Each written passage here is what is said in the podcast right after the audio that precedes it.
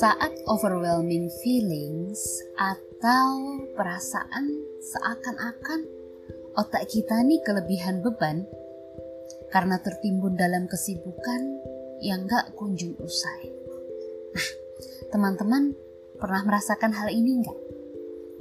Sebelumnya, hai, ketemu lagi di podcast Mencintai Diri.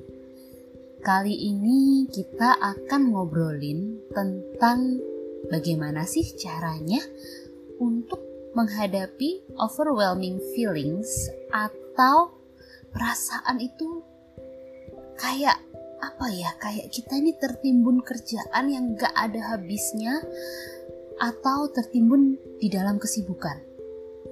Nah, terkadang hal ini itu bisa membuat kita melarikan diri ya dengan scrolling sosial media selama berjam-jam. Hanya untuk menenangkan diri. Atau bisa juga nih kita melakukan sesuatu hal secara berulang-ulang. Dan itu tanpa disadari. Misalnya bisa jadi ya contoh bermain bolpen. Pernah merasakan hal ini? Oh iya, ini adalah obrolan part 1 dari tiga part ya Obrolan berikutnya akan tayang di episode depan. Sebelumnya maaf dulu nih, mungkin agak terdengar berisik ya karena ini sedang hujan deras sekali. Oke, sebelum obrolan berlanjut, seperti biasa, jangan bosan ya. Ayo kita tarik nafas dalam-dalam dan hembuskan perlahan. Ikuti saya. Oke, satu, dua, tiga, dan shh hembuskan perlahan. Bisa diulangi lagi kapan pun diperlukan, ya. Obrolan kali ini diambil lagi dari Psychology Today ya. Jadi siapa aja nih yang pernah merasakan perasaan seperti kita nih kayak tertimbun di dalam kesibukan yang gak ada ujungnya gitu.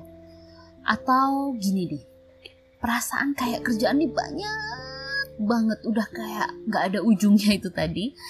Tapi kok kita malah sibuk baca-baca resep atau novel kesukaan atau ya itu tadi sos sosial media itu kita lihat terus scrolling terus tanpa henti. Padahal kita sadar kalau kerjaan sedang banyak terus ujung-ujungnya jadi merasa bersalah dan nggak nyaman sama diri sendiri. Terus saat mau mulai ngerjain yang seharusnya dikerjakan ya eh kok rasanya kayak nggak mampu mikir ya? Otak itu seperti kelebihan beban jadi nggak bisa mikir optimal. Nah itulah yang disebut overwhelming feelings atau kita sebut kelebihan beban ya. Pernah merasakan? Sebenarnya siapa aja sih yang bisa merasakan hal ini? Sebenarnya kita semua bisa Bahkan orang-orang yang terlihat luar biasa sukses dari luar itu juga bisa jadi merasakannya. Untuk teman-teman yang sedang merasakan perasaan ini, peluk jauh ya, peluk online. Jadi, sebenarnya apa sih yang sedang terjadi dengan kita saat kita merasakan overwhelming feelings tersebut?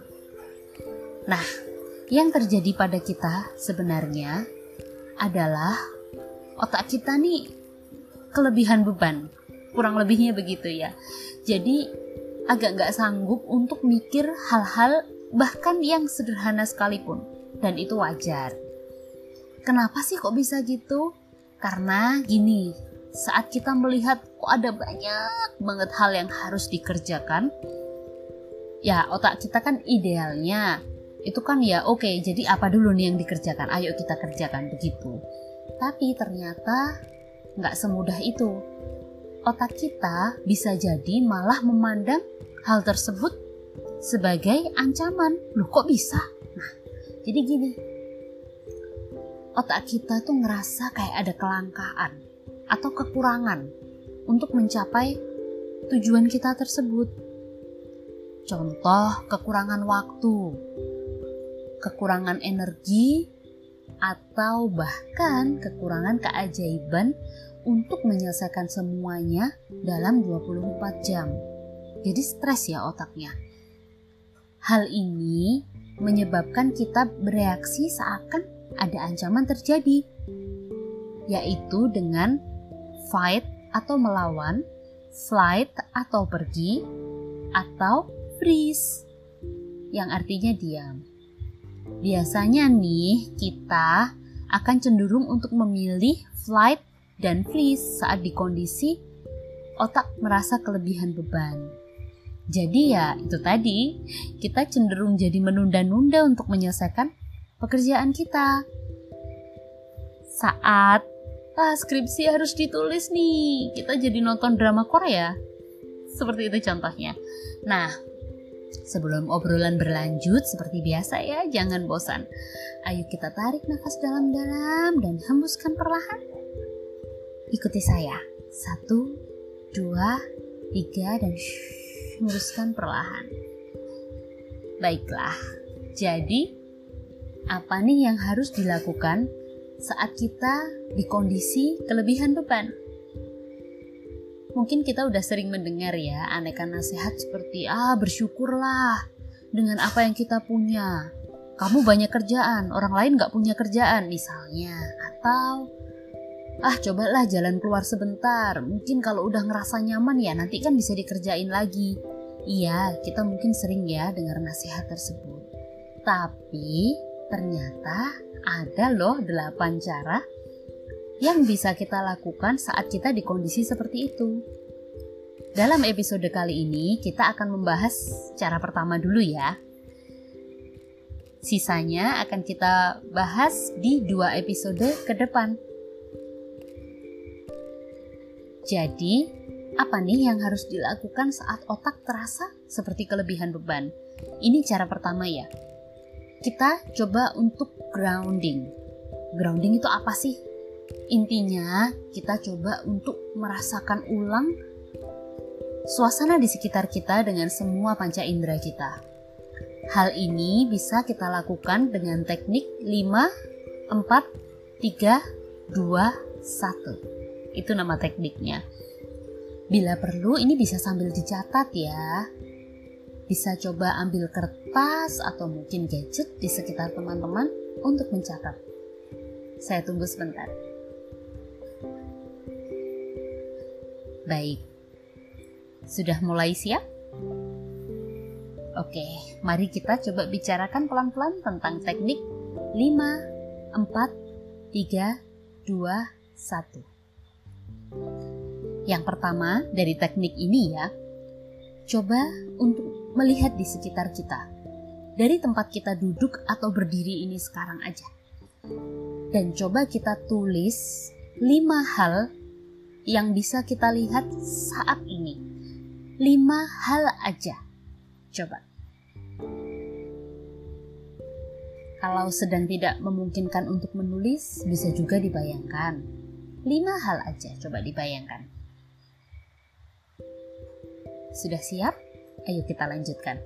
Berikutnya, coba untuk mendengarkan di sekitar kita.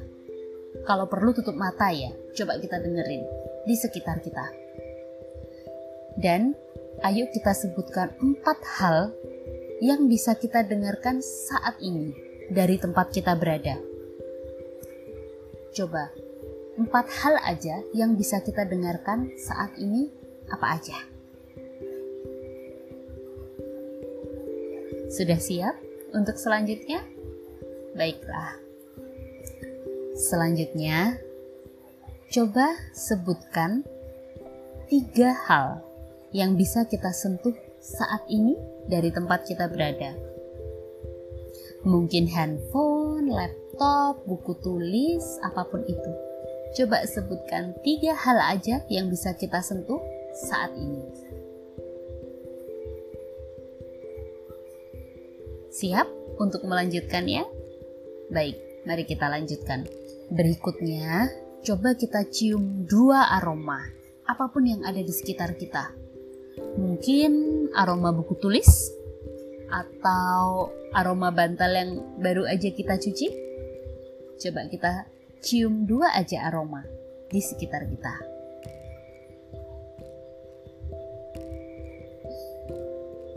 Sudah dapat apa yang dicium? Baik, mari kita lanjutkan ya. Terakhir, coba kita rasakan satu hal di sekitar kita. Satu aja. Mungkin rasa kopi yang sudah kita buat dari tadi pagi tapi lupa kita minum. Atau sekedar air mineral yang sedang ada di meja kita. Coba kita rasakan. Bagaimana rasanya? Nah, itu tadi teknik 5, 4, 3, 2, 1. Teknik ini penting untuk mengembalikan pikiran kita yang mulai loncat-loncat karena kekhawatiran. Pikiran kita itu jadi kembali lagi ke saat ini, saat di mana kita berada.